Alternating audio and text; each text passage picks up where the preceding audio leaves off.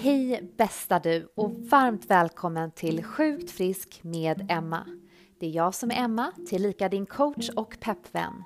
Och I den här podcasten så lär vi oss att ta tillbaka vår inre power och att börja leda oss själva. Nu kör vi! Hej bästa du! Jättehärligt att du är här. Avsnitt 3. Okej, idag så ska vi prata om någonting som kommer att vara avgörande för din allmänna, typ härliga känsla framåt. Och det är dam, da, da, Sluta ge lidandet ett syfte. Sluta ge lidandet ett syfte. Om du lyckas implementera det här i ditt liv så kan jag lova dig, jag garanterar att det kommer göra en så stor skillnad för ditt välbefinnande. Häng med! Alright, så vad menar jag när jag säger ge lidandet ett syfte? Jo, det är nämligen så här att det är så vanligt. Jag kan se det i mina flöden på Instagram väldigt ofta. Jag hör det runt omkring mig. Jag ser det på TV. Och det är att vi tror någonstans att våran ångest och oro som vi bär kommer att bidra till någonting fint och bra till världen. Vi tror att ju mer vi oroar oss och ju mer ångest och rädsla vi skapar inom oss, desto mer visar vi för omvärlden att vi också bryr oss och känner med alla andra. Men det här är så självdestruktivt.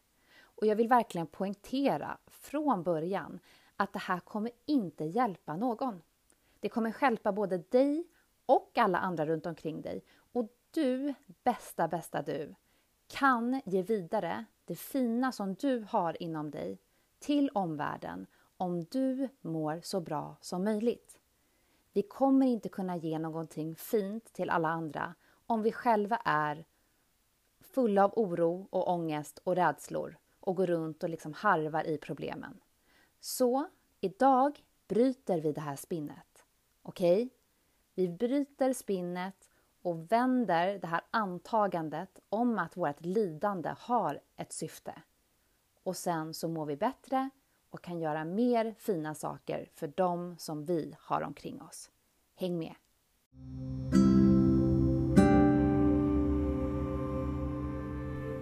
Tidigare i mitt liv så var jag helt övertygad om att om jag inte gick runt och mådde dåligt för de människor runt omkring mig som också mådde dåligt och som kanske hade utmaningar och problem i sina liv så skulle jag helt enkelt bara förvärra deras situation. Jag var alltså helt, helt verkligen inbillad att jag skulle kunna bidra till deras situation genom att också lägga mig på samma låga frekvens. Och det här är ju verkligen någonting som inte alls på något sätt kan hjälpa varken min vän eller den jag bryr mig om eller mig själv på kort eller lång sikt. Och varför inte? Jo, för att vi ser inga bra lösningar när vi är på en låg frekvens och vibrerar där, när vi går in i andra människors känslor, upplevelser och problem och stannar där med dem så är det som att vi liksom hänger fast den här kättingen på båda ben och kastar oss ut över hamnkanten. Vi kommer båda två att sjunka. Vem fasiken ska stå där uppe och dra upp den andra? Om båda två är där nere och harvar runt. Nej, här gäller det att behålla sin frekvens på en högre nivå så att vi kan bidra på allra bästa möjliga sätt.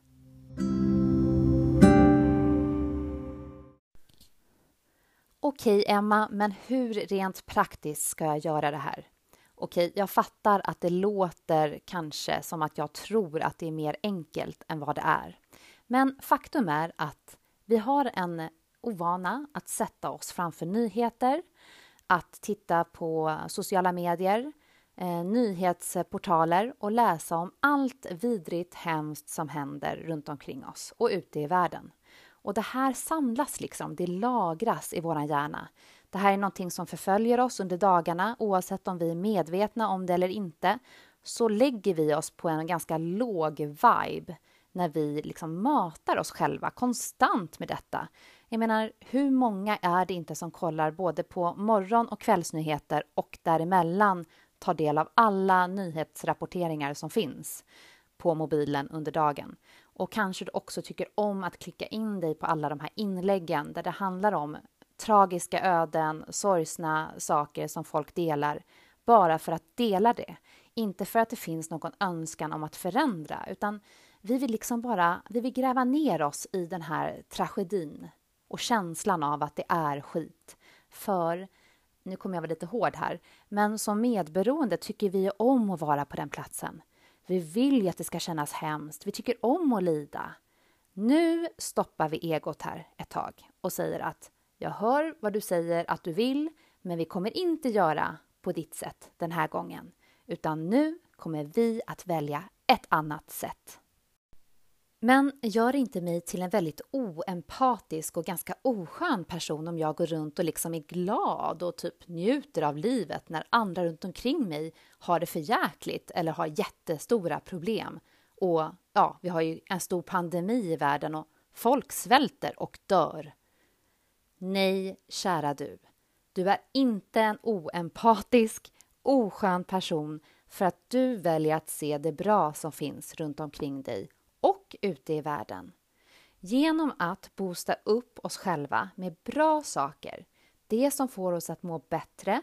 Det behöver nödvändigtvis inte vara så att det får oss att må toppen, för att ibland känner vi att världen känns ganska grå och jobbig och, och full av jobbiga saker såklart. Men det finns alltid någonting som får oss att må lite bättre. Och då är det mest rimligt att fylla på med det.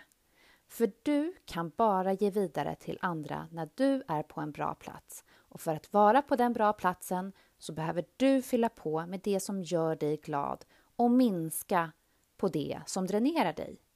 It's a fact, det är så det fungerar. Jag tror att du förstår det här, men det är svårare att göra i praktiken.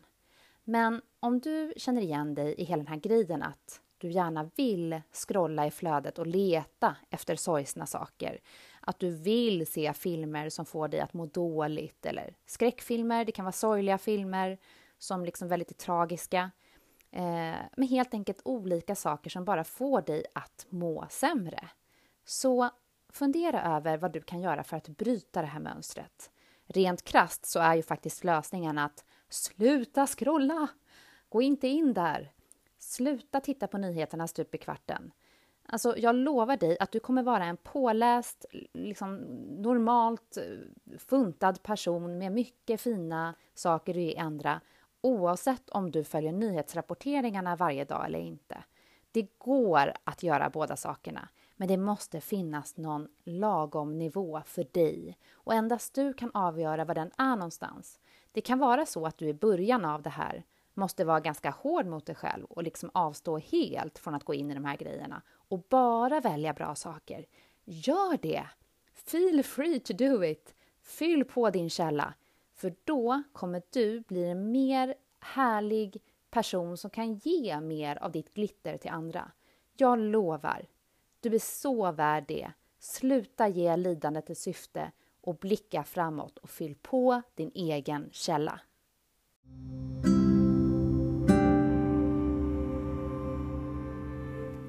Nu när du har kanske inte börjat anamma det jag pratat om, men kanske har fött en ny tanke hos dig att ja, jag ska kanske bara prova att inte dra ner mig själv på samma låga frekvens som tragedier och sorgliga saker, mina vänners problem och utmaningar, utan istället se att jag kan ge vidare mitt allra bästa i den här världen genom att vibrera på en högre frekvens. Feel good, fyll på. Det är okej att må bra även när det är skit. Du, med de orden så avslutar jag dagens avsnitt och jag hoppas innerligt att du får med dig någonting att använda härifrån. Följ mig gärna på Instagram för en daglig boost av pepp och övningar och mentala verktyg så ses vi snart i ett nytt avsnitt. Kram på dig!